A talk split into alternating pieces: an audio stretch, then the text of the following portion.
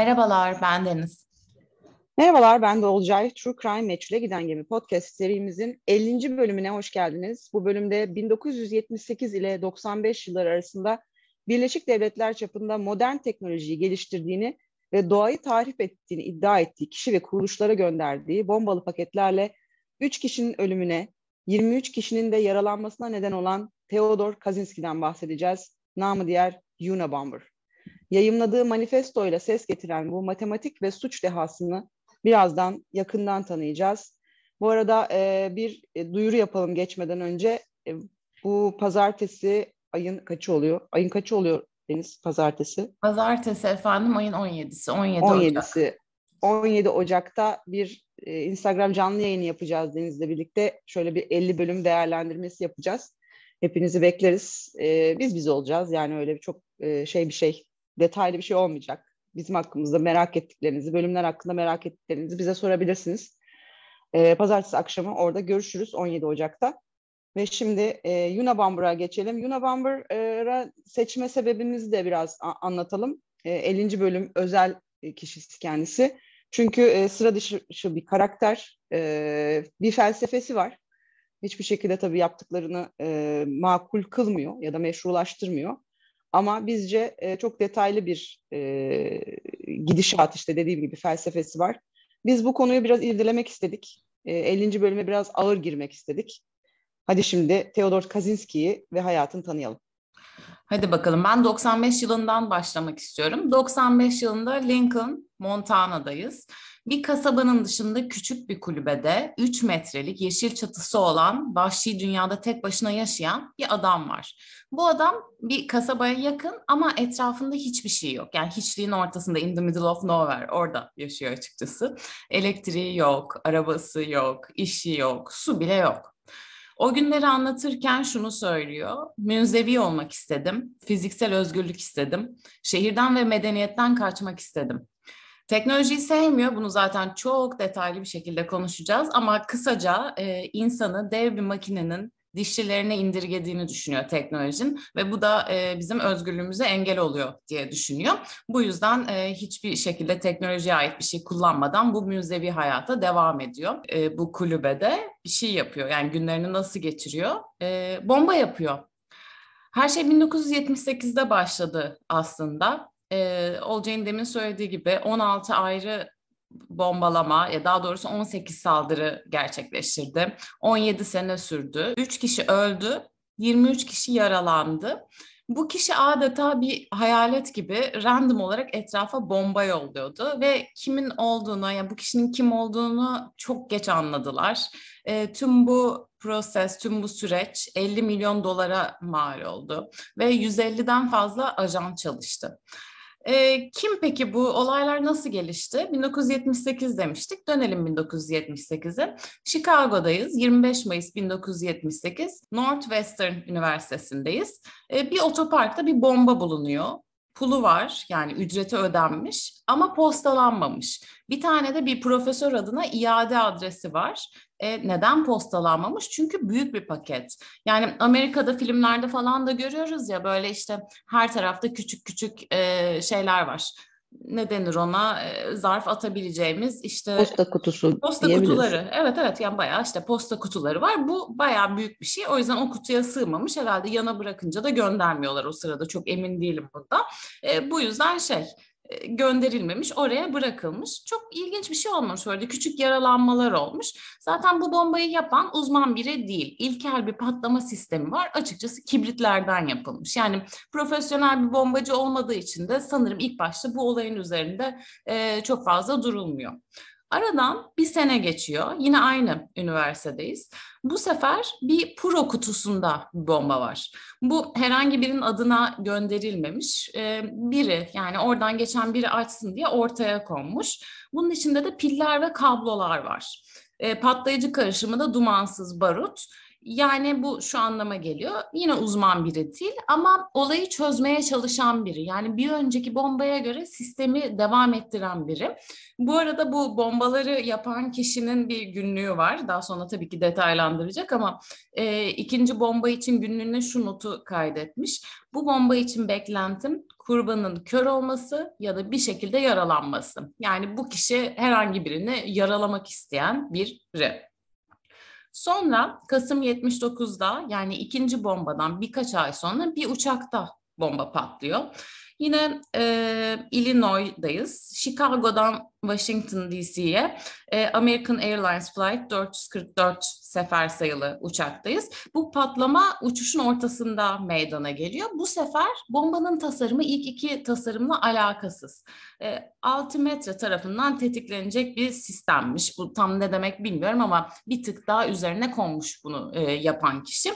Fakat hiçbir yolcu ya da mürettebat yine yaralanmamış ama yani uçaktan bahsediyoruz. Uçakta bomba Allah korusun yani hepimizin en korktuğu şeylerden biridir.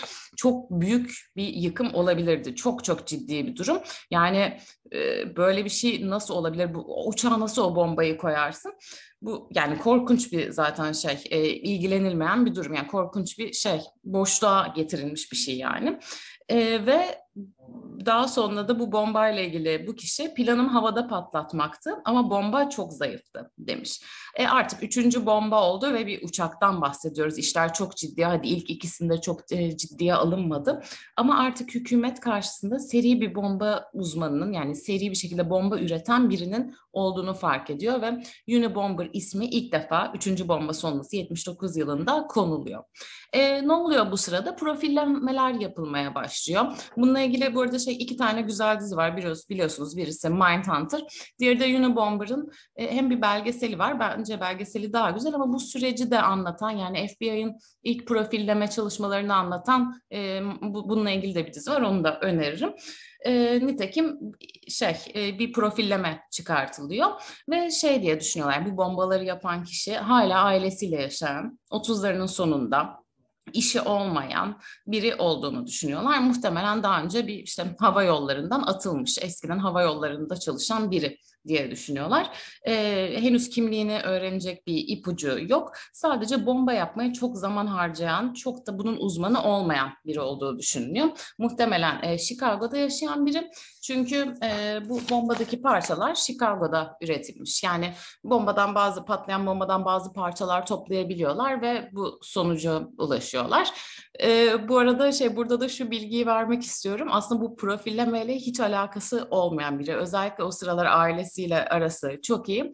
Hatta şey e, ailesi işte e, bir parası var. O parayı faizden dolayı daha da arttırmışlar ve e, çocuklarına da para yollayan işte normal aile ilişkileri olan bir aile o sıralar. Sonra 1980 yılında dördüncü bomba patlıyor. Bu sefer farklı bir bombayla karşı karşıyayız. Ee, şu anlamda bomba bir kitabın içinde. Sloan Wilson'ın Ice Brothers kitabında ve bombanın yanında bir tane mektup var. E, bu kitabı size öneririm, lütfen bu kitabı okuyun diyor. Kitabın içine oymuş, e, içine de bombayı yerleştirmiş. Bu sefer de yine bir kişi yaralanıyor. Şimdi bombalara biraz ara veriyorum. E, Ted'den bahsetmek istiyorum. Ted bu Montana'da yaşıyordu ya işte müzevi bir hayat falan dedik. E, etrafta insanlar var, komşuları var, Ted'i tanıyan insanlar. Komşulara sorduklarında farklı farklı şeyler söylemişler. Ee, yani bomba yaptığı açıkçası kimsenin dikkatini çekmemiş. Ama bu yaşadığı yerde şöyle bir şey var. Komşuların hurda arabaları var. Ve bunların her birinden aslında TED parçalar alıyor. İşte metrelerce kablolar var. Ve yani o kadar geniş bir alan ki kimse bunu fark etmiyor bile. Ee, bir tane komşusu sadece bir gün bir patlama sesi duymuş. Çünkü aslında Ted o gün ormanın derinliklerinde yeni bombasını test ediyormuş. Bir tane komşusu tüm olaylar ortaya çıktıktan sonra e, şey demişti çok e, sinsi biriydi işte biz onu hep kulübede zannediyorduk işte meğersem etrafta bombalar yerleştiriyormuş diyormuş. Kadın komşularından biri de ilginç bir şey söylüyor. Kocasıylayken onu dikizlediğini düşünüyor Ted'in. Bu da yani kadınlara karşı bakışını zaten konuşacağız. Bu da kenarda dursun e, bir ek bilgi olarak. Ailesinden demin biraz bahsetmiştim. Aileye geri dönelim. Bir tane kardeşi var. Zaten e, kardeşi ve yengesi bu olayda çok e, aktif rol oynuyor. Oraya geleceğiz birazdan. Belgesele de birebir konuşmuşlar. Kardeşi şunu söylüyor abisiyle ilgili. Abisini çok seviyor. Yani onun için idol.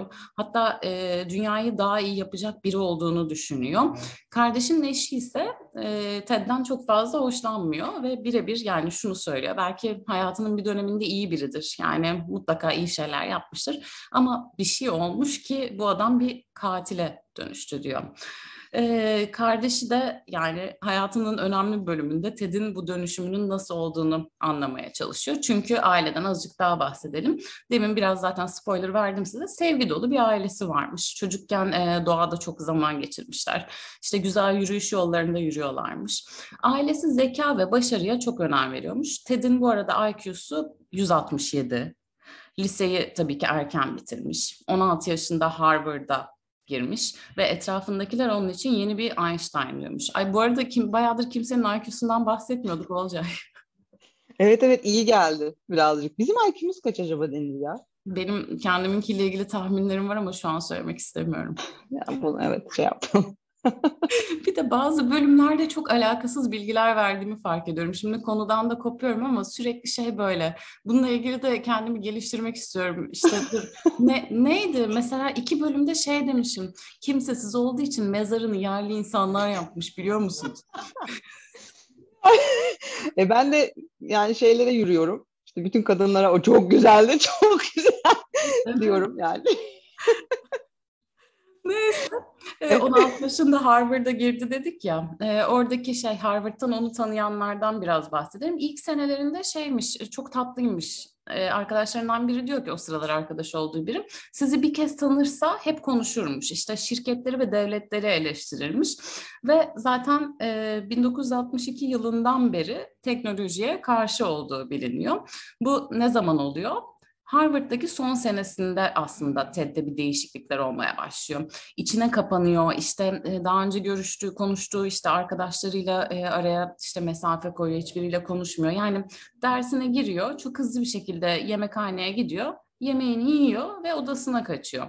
Yani bir anda işte üniversitenin son sınıfında asosyal birine dönüşmüş.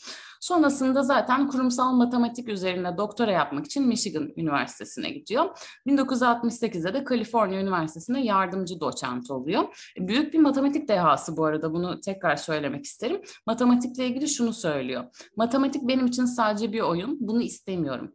E, matematikçi, matematikçi olması için de zaten şunu söylüyor uzmanlar. Muhtemelen tek olmayı seviyor. Yani tek başına yapılabilecek bir aktivite ya matematik. Yani ben yapamıyorum yapanlar öyle söylüyor. E, takım olarak da zaten bir şey yapmadığı için tek başına yapacağı en iyi aktivite. Bu arada Michigan Üniversitesi ile ilgili e, bir günlüğünde notları var. TED'in daha sonra günlükleri ortaya çıktı. Ondan biraz bahsedelim. Michigan Üniversitesi'ndeyken bazı rüyalar görüyordum. Bir psikolog beni hasta olduğuma ikna etmeye çalıştı. Zihnimi ele geçirmeye çalışıyordu. Çok sinirleniyordum. Fiziksel güç uyguladım ve onu öldürdüğümde çok rahatladım. E, bu süreçte başına neler geldiğiyle ilgili daha sonra zaten detaylı bir şey söyleyeceğiz size. E, karşı cinsle ilgili biraz sıkıntıları var bu arada ondan da bahsetmek isterim. E, bu öfkeyi de aslında topluma yönlendiriyor diye teoriler var TED'le ilgili. Daha önce mesela bir e, kızdan hoşlanmış. Kızla da şey muhabbet etmişler. Bu arada TED şey eli yüzü düzgün biri böyle e, zaten çok zeki demin dediğim gibi IQ'su çok yüksek ama şey normal görünümlü bir adam bence. E, bu kızla muhabbet ediyorlar ve şey kızı yakından tanımak istiyor ve onu arayacak yani işte ilişkisine başlatacak, ilişkisine devam edecek. Ama onu asla aramamış. Yani kızdan kaynaklı bir şey de değil. Bir şekilde o iletişimi kuramıyor. Yani iletişimi kursa da devam edemiyor. Ve bu bahsettiğimiz günlüğe de bu kızla ilgili çok kötü şeyler yazmış. Ee, yani muhtemelen uzmanlar kendisini yetersiz hissettiğini söylüyor. Hatta e, bu sıralarda kadın olmayı hayal etmiş ve bir psikologdan randevu almış ve cinsiyet değişikliğinden bahsetmek istemiş ama bunu yapamamış. Bunları yine şey günlüğünden biliyoruz. E, psikiyatra acayip kızmış, çok aşağılanmış hissetmiş. Bunlar hepsi 1966 yılında oluyor. Bomba olaylarından çok önceden eğitim hayatındayız. Ve e, hayalinde hep birilerini öldürmeye başlamış. Cinayetleri düşünüp günlüğe yazmak da onu çok rahatlatıyormuş. Öldüreceğim ama saklanacağım. Böylece ileride birilerini daha öldürebilirim diyor. Bunları kimseye anlatmıyor bu arada. Üçüncü kez tekrarlıyorum. Hepsi günlükte. Ay peki ne yapıyor işte bu kadar akademik hayat falan? Sonra tamamen bunları bırakıyor. Ara sıra bazı işlerde çalışıyor. Hatta demin bahsettiğim kardeşinin şef olduğu bir fabrikada çalışıyor. Ee, ama şey bu süreçte de yine bir kızla bir işte romantik ilişki yaşıyor. İşte kızla öpüşmüş ama sonra kız işte e, onunla beraber olmak istememiş, arkadaş kalmak istemişler. Ted de kızla ilgili şiirler yazıp e, kardeşinin şef olduğu fabrikada etrafa bırakıyormuş. Kardeş de onu kovmuş.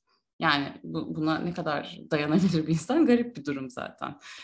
Neyse şey sonra şey diyor ben biraz para biriktireyim bir arazi alacağım artık Montana'da yaşamak istiyorum diyor. Demin bahsettiğimiz ev için e, planlarını kuruyor. Abisi çok seviniyor çünkü Ted artık kendi istediğini yapacak. Başkasının ondan beklediği şeyleri değil.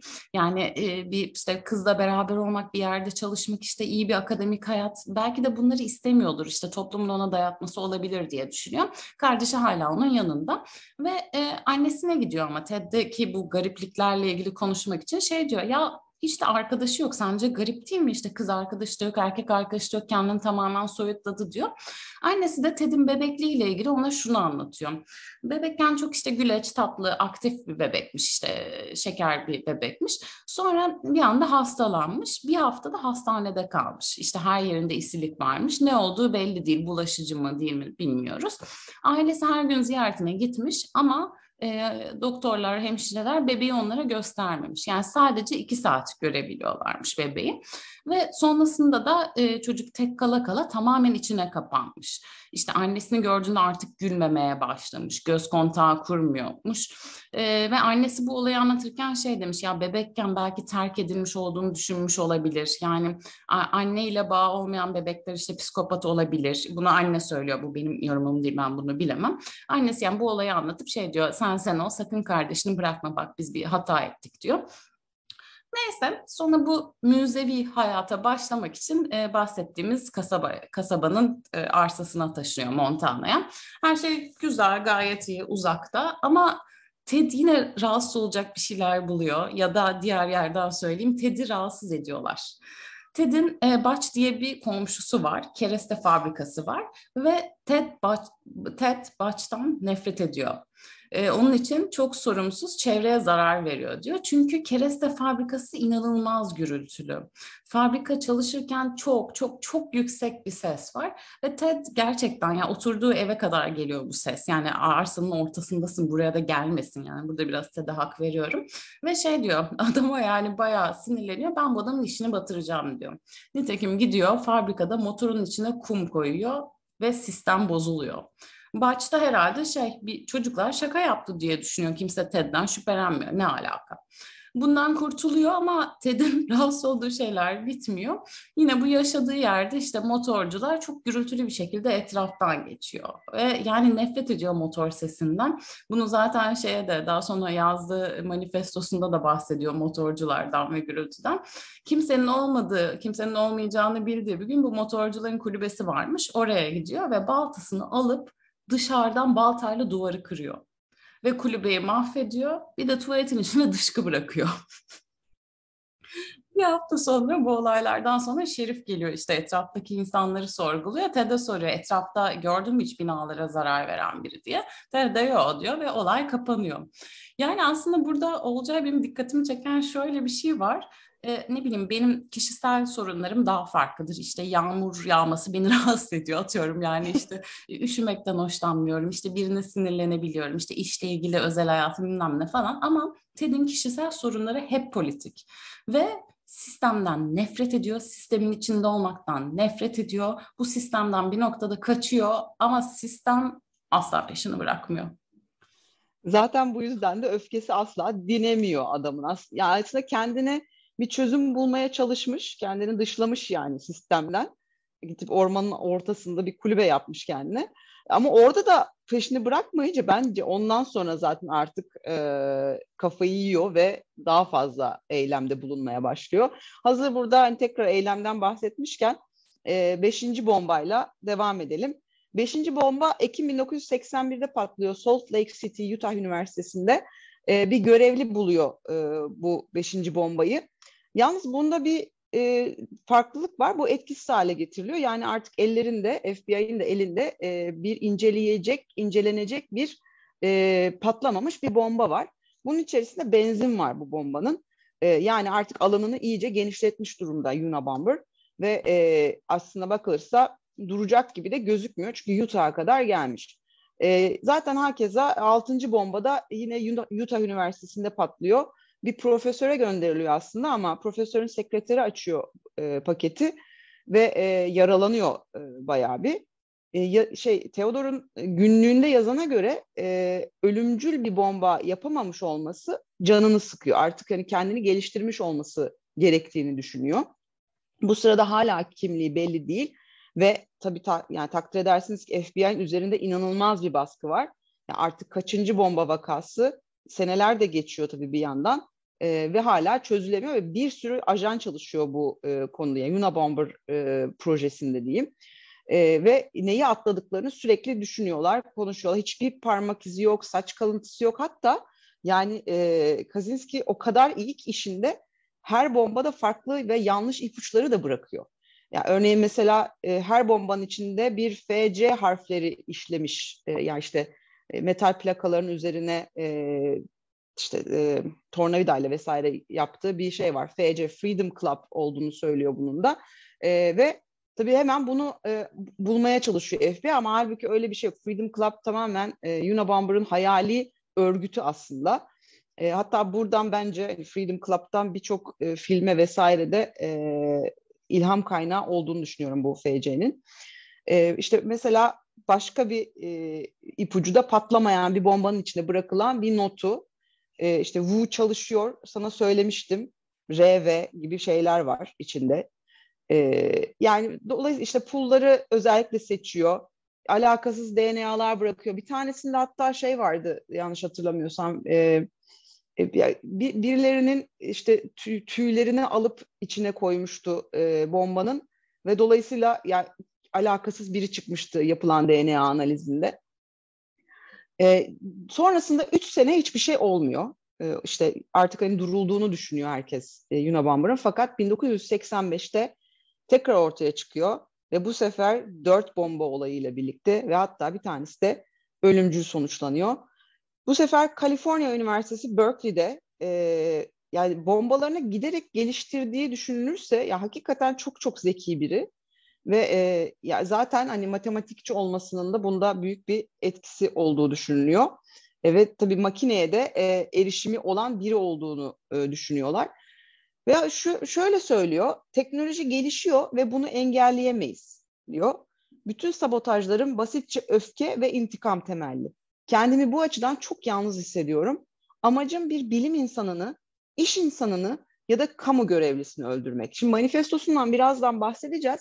Manifestosunun aslında temeli zaten buna dayanıyor. Yani teknolojiyle ilgili bir derdi var Theodor'un ve e, bunu yaratanların bilim insanları, iş insanları ve kamu görevlileri olduğunu düşünüyor. Dolayısıyla onları öldürürsek e, yani teknolojik ilerlemeyi yavaşlatabileceğini düşünüyor ya da en azından ses getirebileceğini düşünüyor bu alanda. E, bunun üzerine e, tüm bunların artık hani yılların ve bombalamaların üzerine FBI yeni bir profil çıkarıyor. İlk baştaki saçma sapan profillemesinin yanlış olduğunu fark edip e, bu sefer diyor ki 35-45 yaşları arasında bir adam bu.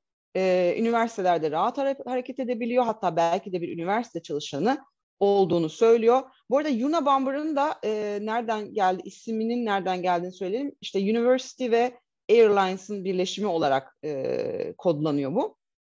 Çünkü daha çok üniversitelerde ve işte bu havaalanı işte e, uçaktaki bombalama sebebiyle. E, ilk ölüm e, Kaliforniya'da demiştik gerçekleşiyor. Sacramento'da e, bir bilgisayar mağazası sahibi e, ölüyor bu bir bombalamanın sonucunda. Fakat sonunda biri, bir kişi onu bombayı yerleştirirken görüyor. Pencerede görüyor ve göz göze geliyorlar hatta. Bunun üzerine robot resmi çıkarılıyor. Ee, şey robot resimde kapşonlu biri, e, işte beyaz, 1.78 boylarında, kızıl sarı saçlı, e, gözünde polis gözlükleri, güneş gözlüğü var. Fakat tabii bu da nüfusun yüzde üçü demek, yani milyonlarca insan demek. İşte bulana 1 milyon dolar ödül verileceği söyleniyor. Fakat e, yok yani kesinlikle ortaya çıkmıyor. Kendini çok iyi gizliyor çünkü. Yine ortadan kay- kayboluyor 87'de. 93'te geri geliyor. Kaliforniya Tiburon'da ortaya çıkıyor. Bir genetikçi e, onun bombası sebebiyle Charles Epstein kısmi işitme kaybı e, yaşıyor. Her iki kulak zarında ciddi hasar var ve üç parmağını kaybediyor bu bombanın sonucunda. Neden bu insanlar diye e, sorduğumuzda hani az önce zaten bahsettik. Sistemi, teknolojik ilerlemeyi bu insanları ortadan kaldırarak durdurabileceğine inanıyor. E, çok zeki insanların ve genetiğin insanlığı tehdit ettiğini söylüyor. Kişisel bir şey yok burada. Yani kişisel olarak bu bana hani şöyle bir şey yapmıştı işte ben o yüzden onu öldüreceğim gibi bir motivasyonu yok. Tamamen sembolik bu insanlar. İşte tamamen oldukları yani aslında e, insanları değil koltukları hedef alıyor e, Theodor. E, birebir de bir nefreti yok onlara karşı. E, bu sefer de e, devam edelim. Connecticut Yale Üniversitesi'nde bilgisayar bilimleri profesörüne denk geliyor bir bombası. Bu da şiddetli yanık, şarapnel yarası ve e, sağ gözde hasar, sağ el kaybı ile sonuçlanıyor.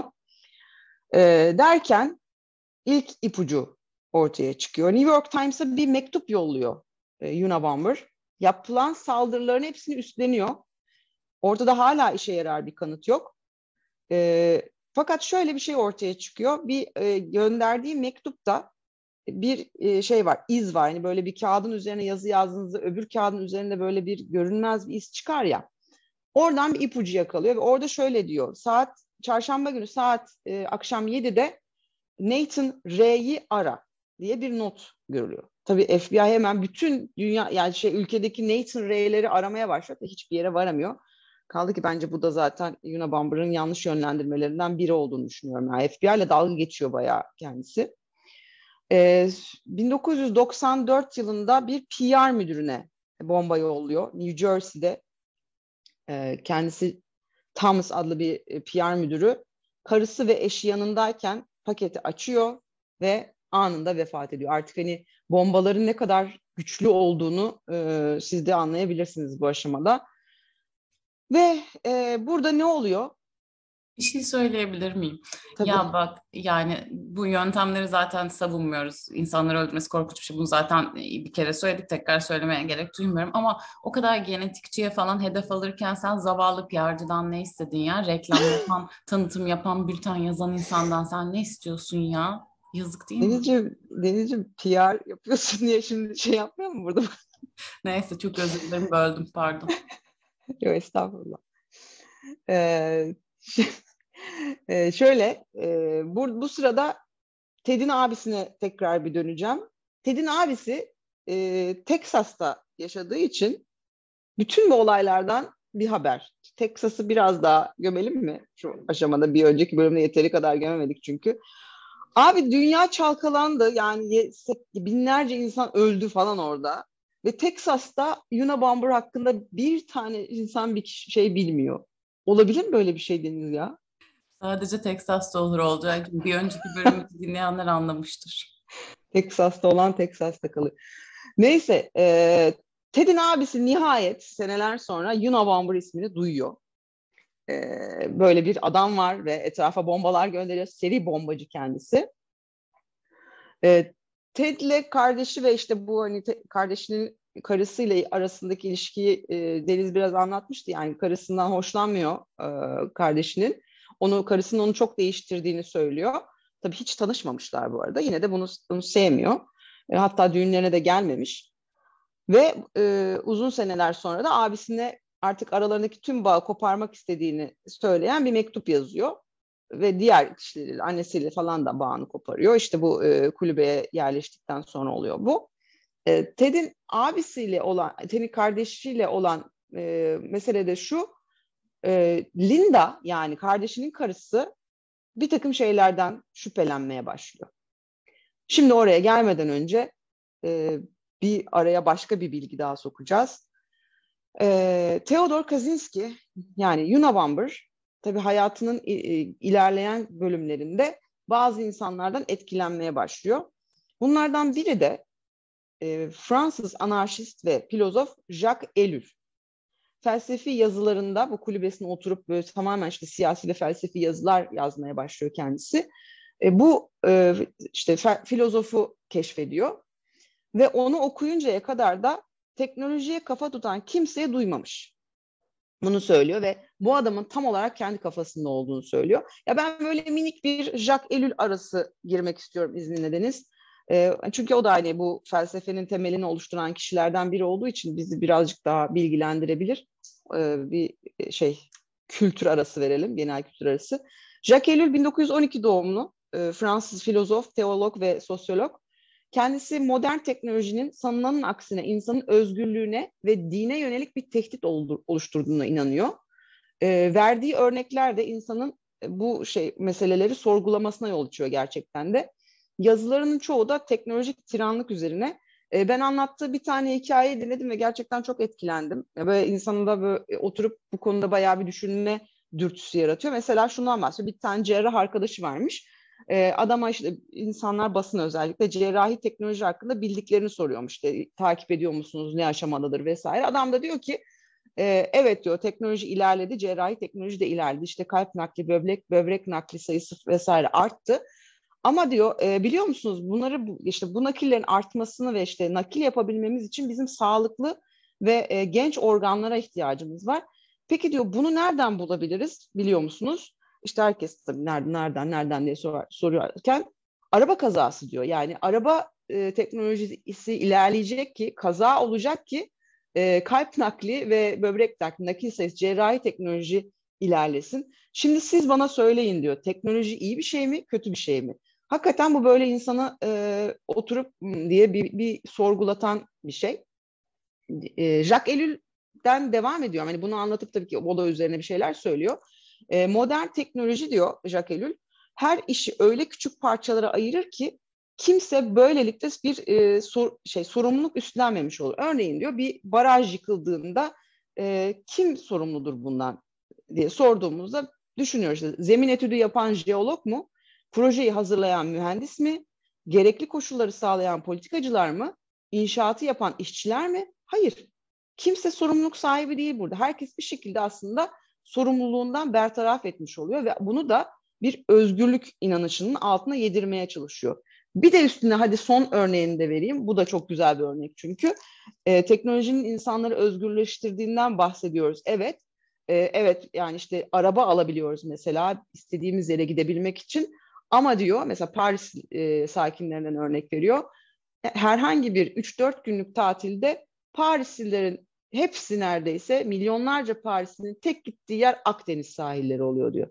Neden başka bir yere gitmiyorlar? Neden özgür madem o kadar özgürler neden bunu başka yerlere gitmek için kafa çalıştırarak kullanmıyorlar diyor. Ee, ve hani Jacques Ellul kısmını burada bitiriyorum ve kendi içinizde bir felsefi, filozofik tartışma yaşamanız için sizi kendinize baş başa bırakıyorum efendim. Bir şey söyleyeceğim. Geçen Olcay'la bunu da anlatmam lazım. Şey diye konuştuk işte canlı yayın yapacağız ya şey dedik sanayi devrimiyle ilgili bir canlı yayın yapsak mı dedik. Sonra hiçbirinizin bunu dinlemeyeceğini e, düşündük ve vazgeçtik. Bunu da anekdot olarak eklemek istedim. Buyurunuz. E, Jacquel'in e, şeyini, pasajımızı dinlediyseniz zaten bundan sonra her şeyi dinlersiniz bence. Evet, daha sonra tabii şeye gelelim tekrar. E, Yuna Bomber'a gelelim. Bunun üzerine Jacques Ellul'le tanışmasından sonra da kendi felsefesini yazmaya başlıyor. Ve diyor ki teknoloji insana ve çevreye zarar verir, sistem yok edilmeli, sisteme karşı bir devrim yapılmalı. 95'te bir mektup daha yolluyor gazetelere ve PR'cı işte bu az önce öldürdüğünü söylediğimiz adamı kendisinin öldürdüğünü aslında grup olarak kendilerinin öldürdüğünü söylüyor ve bir anlaşma öneriyor sanayi toplumu ve geleceğe yazımı yayınlarsanız eylemlerimi duydu, eylemlerimizi duydu, durduracağız diyor ve yazıyı da yakında göndereceğini söylüyor. Bu mektupta da, da tabii FBI ile F, epey bir dalga geçiyor. E, çünkü e, FBI bu bombalamaları bir çatlağın yaptığını söylüyor ama biz aslında bir grubuz diyor. Ee, önce bir şey diyorlar işte önce Dünya diye bir grup var acaba onunla mı bağlantılı diye soruşturuyorlar. Çünkü bu grubun yöntemleri işte ağaç yakmak, eylemler yapmak vesaire. Fakat e, kendisi röportajında bu grupla alakasının olmadığını söylüyor. Falan filan. E, son bombaya gelelim. 24 Nisan 1995 Sacramento'dayız, Kaliforniya. E, burada da bir kereste endüstrisi lobicisi, e, lobi faaliyetleri yürüten kişi hayatını kaybediyor. Bir mektup daha yazıyor. Los Angeles'ta bir hava, Los Angeles'taki havaalanını havaya uçuracağını söylüyor. Polis e, bir sürü önlem almak istiyor fakat e, tabii posta yoluyla yaptığı için bu eylemleri tüm e, posta uça yani e, tüm posta sisteminin durdurulması gerekiyor eğer bir önlem alabilmesi için. Aslında tabii burada da yine e, kendi kafasındaki ütopyaya uygun bir şey yapıyor. Yani sistemi durdurmak üzerine iyi bir e, şey yapıyor yani tehdit savuruyor ortaya. Ve daha sonra manifestonun yazıldığı daktiloyu tespit ediyorlar e, bu gelen mektuplar vasıtasıyla. Bunun zaten artık hani tüm Amerika Birleşik Devletleri konuyu biliyor. O e, şey gazetelerde bir sürü makale yazılıyor. Ve bu makaleler işte gönderilen mektuplar vesaire ortada dolanırken Ted'in kardeşinin karısı şöyle bir şey diyor. Acaba bu Unabomber Ted olabilir mi? Bunu keşfediyor kadın. Muhteşem bir şey. Çünkü yazdığı kendine kendilerine gönderilen mektupları da biliyor.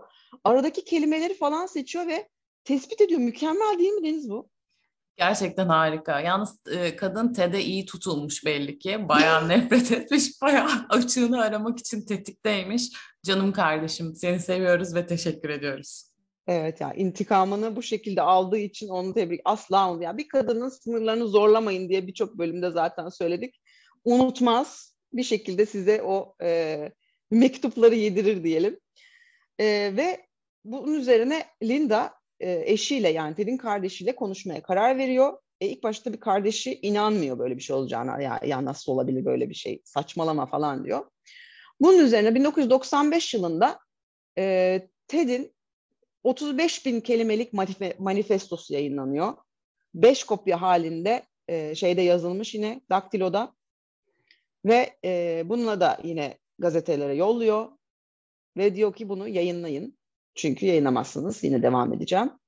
Makalenin yayınlanıp yayınlanmaması konusunda birçok tartışma var. Ancak Başsavcı Janet Reno ve FBI kamu güvenliği endişesi nedeniyle ve belki bir okuyucu bulur da yazar, yazarını teşhis edebilir umuduyla yayınlanmasını tavsiye ediyor.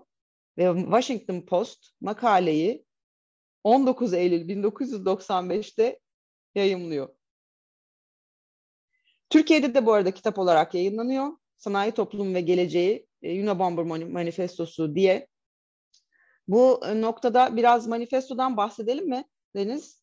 Bahsedelim. Biz zaten e, Olcay'la günlerdir yani bir, bir haftadır falan her gün manifestonun belli kısmını birbirimize yolluyoruz ve gerçekten şey gibi debate club gibi bunu tartışıyoruz aramızda. Yani çok çok yani sayenizde bizi dinlediğiniz için biz de kendimizi açtık. Öncelikle size de tekrardan teşekkür etmek istiyorum. Hadi anlat manifestoyu. Evet, anlatalım. Ee, ya manifesto bu arada şey, e, bence hani önden başlayayım ve yani birçok insana göre tabii ki sonunda bu tip e, e, yani bombalama, birilerini öldürme, yaralama vesaire olmasa idi bence mükemmel şeyler anlatıyor. Yani gerçekten olması gerekeni, e, ya, ütopyalarımızı belki anlatan son derece akademik bir dille yazılmış ve hatta yani bir profesörün elinden çıkmış olsaydı birçok insanın muhtemelen altına imzasını atacağı e, ve üzerine de filozofik yani filozofik felsefik tartışmalar yapacağı bir metin. Çok uzun bir e, metin hakikaten. E, biz hani böyle bayağı bir daldık içerisine. Ben birkaç araslarından seçtiğim e, birkaç maddeyi maddeyi okumak istiyorum size. Çok da hani canınızı sıkmadan zaten hani ulaşırsınız kitap olarak da var etrafta. Şimdi şöyle bir kere hani neden bahsediyor manifesto? Manifesto teknolojinin tabii ki e, hayatımızda bize verdiği zarardan bahsediyor. E, sistemi e, yok etmek gerektiğinden yani devrimi aslında sistemi yok ederek devrim yapmak gerektiğinden bahsediyor. Bu sırada biraz e, kadın erkek ilişkilerine, feminist görüşe vesaire de dalıyor.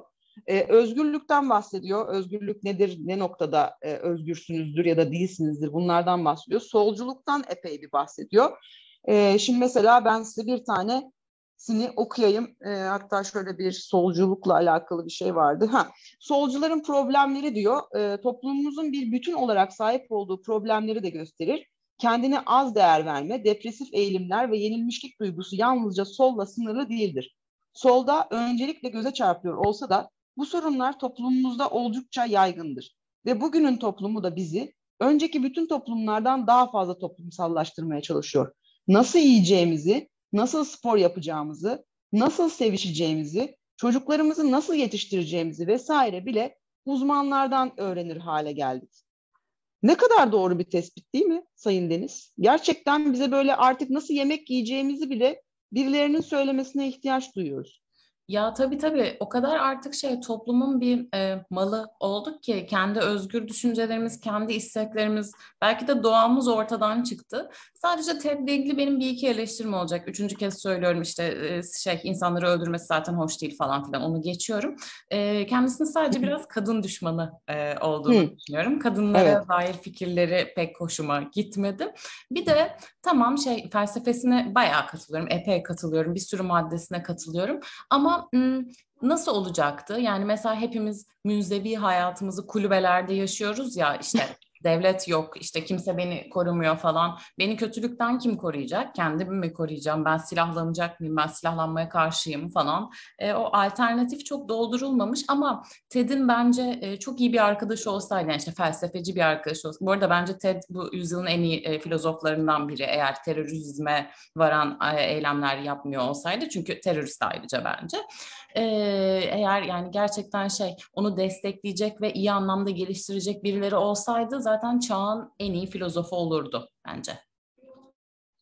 Katılıyorum buna. Hazır o, feminist görüşle ilgili söyledikmişken sen ben de hani feministlerle ilgili söylediği bir ufak maddeyi hemen okuyayım. Feministler kadınların da erkekler kadar güçlü ve yetenekli olduğunu ispatlamak için umutsuzca hevesleniyorlar.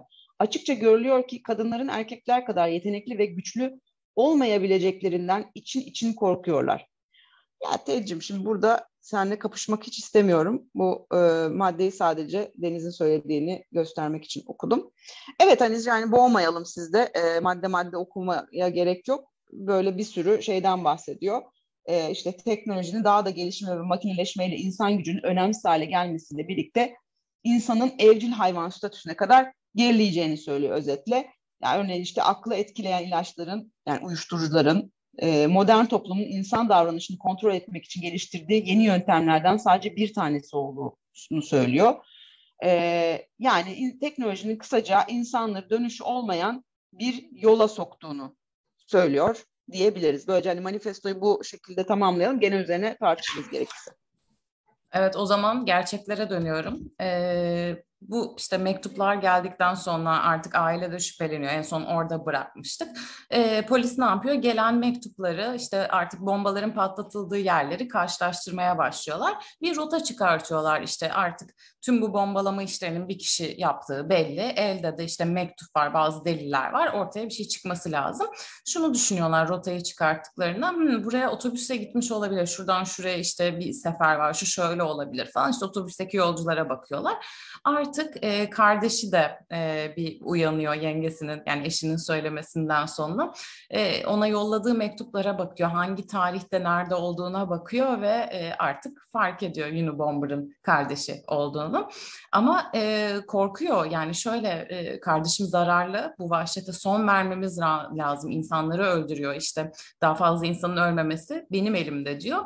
Ama eğer gerçekten bunu yapan benim kardeşimse onu idam edecekler ve ben anneme söz vermiştim vermiştim. Onu hiç bırakmayacağım demiştim diyor. Bu ikilemde kalıyor ama tabii ki bence e, eşinin yüreklendirmesiyle buna dair bir şey rastlamadım ama bence öyle. FBI'yi arıyor. Tabii şey e, hayat güzel bir pembe masal olmadığı için FBI aa o mu tamam hemen yakalayacağız e, demiyor. Çünkü FBI'ye bunun gibi 2417 telefon gelmiş. Yani 2417 tane şüpheli var. Ted de 2416. Herkes ailesini arayıp şikayet ediyor. İşte amcam olabilir bilmem ne olabilir diye. Dolayısıyla sıra gelmiyor. Ee, ve şey bu daktiloyu da bir şey yapıyorlar işte e, buluyorlar daktiloyu ve şey diyorlar işte manifestoyla e, TED'deki daktilo aynı olabilir diyorlar. E, gelen mektuplardan kardeşine yazdığı mektuplar ve e, basına yazdığı mektuplar aynı yerden çıkmış diyorlar. Dil bilimi olarak da tutarlı bu. Dil bilimciler de bakıyor ama bunların hiçbiri birinci derece birinci dereceden delil değil. E, FBI Ted'in yerine belirliyor. Zaten biliyor kardeşi ve komşusuna söylüyorlar aslında. Komşusu da e, gidiyor evin etrafının videosunu çekiyor. İşte FBI hazırlıyor aslında şöyle bir yoldan geçeceksiniz diye. Ve 3 Nisan 1996'da FBI eve baskın yapıyor. E, aile bu arada çok tedirgin oluyor çünkü aile e, o aslında ele verdi ya kardeşini. Yani e, kardeş abisini ele verdi ve anonim kalacaklarını düşünüyorlar da öyle olmuyor. E, ve tabii ki evde bir sürü delil buluyorlar. Bomba yapımında kullanılacak bir sürü alet, edevat var. Sonra savunma süreci başlıyor. Savunma avukatı idamdan kurtarmak istiyor Ted'i ve Ted'in şizofren olduğunu söyleyelim diyor. E, Ted buna çok karşı. Yani diyor ki bu benim varlığıma ters. Çünkü eğer ben şizofrensem ve şizofren olduğum için idam edilmeyeceksem benim yazdığım manifesto hop çöp. Hiçbir şey değil. Ben hiçbir şey yapmamış olacağım diyor. Yani bir deli bunları yazmış olacak diyor. Ama sonra e, Ted'in geçmişinde o 16 yaşında hani işte içine kapanıyordu ya Harvard'dayken bir ne olduğunu e, ortaya çıkıyor. Şöyle 16 yaşındayken Harvard'da bir psikolojik deneye katılmış. TED'e aslında siyaset felsefesi tartışacaksın diyorlar. E, ama üzerinde psikolojik deneyler yapıyorlar. Deneylerin e, tam detayı bilinmiyor gizli dosyalar olduğu için ama stres karşısındaki tepkilerin ölçüldüğü bir deney olduğu düşünülüyor ve e, amaç aslında TED'de travma yaratmak. E, avukatlar işte bu deneyden dolayı işte isteği dışı ve 18 yaşının altı ayrıca yani yetişkin bile değil isteği dışı böyle bir deneyde bulundu. O yüzden işte şizofren oldu gibi bir şey der miyiz diye düşünüyorlar. Abisi e, direkt şeyi söylüyor yani mutlaka etkilemiştir. Tabii ki işte genç yaşta psikolojisini etkilemiştir. Ama tüm yaptıklarının tek nedeni bu olamaz. Yani buna indirgeyemeyiz diyor. Yani Ted de buna karşı zaten şey sonra avukatlarını kovuyor. E, sonrasında şöyle de bir şey var bu arada. E, şey jüriye gitmek istemiyor e, savcı. Çünkü adam çok zeki. Yani IQ'sunu söylemiştik ve herkesi bir şeye ikna edebilir. Beni bir sürü şeye ikna etti açıkçası. Yani ben normal Maslak'taki işine giden bir insan olarak her sabah lanet olsun sanayi devrimi demeye başladım. Yani yıllar önceki adam beni böyle etkilemişse oradaki jüriyi nasıl etkiler kim bilir. Dolayısıyla bundan çekiniyorlar ve anlaşmaya gidiyorlar aslında. E, ömür boyu tabii ki hapse e, gidecek, hapiste kalacak ama idam artık ortadan kalkıyor. Böyle aslında böyle de bitmiyor. Şu an Ted hala e, hayatta, bir, işte hapishanede hayatına devam ediyor. Dışarıdan çok fazla mektup alıyor. Türkiye'den de mektup yazanlar var. Ee, sorarsanız hayır biz yazmadık. Ee, çevreye, çe, çevre eylemcileri ondan e, epey ilham alıyor. Gençler ilham alıyor. Hatta şey... E, hala söylemlerine de devam ediyor. Bir birkaç sene önce şey demiş işte mağarada yaşayan Müslümanlarla da aslında beraber bir şeyler yapılabilir. Onlar da münzevi hayat sürüyor diye. Münzevi ne demek bilmiyorsanız artık sözlüğe bakmışsınızdır. Çünkü bu podcast'te sanırım beş kez münzevi dendi. Ee, evet aslında öyleyiz. Bir tek şeyi eklemek istiyorum. Neden posta? Çünkü posta sistemi aslında kimsenin sorgulamadığı bir sistem ve bu sistem gerçekten herhangi bir yerin bombalanmasına izin veren bir sistem. Değil mi Olcay? Evet yani şey aslında e, sisteme karşı gelirken sistemin bütün açıklarını da çok iyi yakalayabilmiş biri e, Theodor Kaczynski. Yani çok çok zeki yani oradan zaten hemfikiriz. E, her her şeyi çok iyi e, gözlemlemiş ve buna karşı da birçok şey geliştirmiş kafasında. Sadece tabii şey yok. E, yani bir empati duygusu ve e, insan sevgisi kesinlikle yok yani. Çok rahatlıkla insan öldürebiliyor ve onun için umurunda değil hani. O bir araç. Ölen insanlar onun e, manifestosunun yayılması için bir araç e, bariz bir şekilde. Hatta yani bu Müslümanlar işte şey mağarada yaşayan Osama Bin Laden'i kastediyor aslında yani o şeyde. E, bayağı hani teröristlerle de aslında işbirliği yapıp bu fikri yayabiliriz gibi bir şey söylüyor. O yani bu, bu tabii kabul edilebilir bir şey değil. Ee, ya evet Theodor Kaczynski böyle bir adam. Ee, değişik bir karakterdi.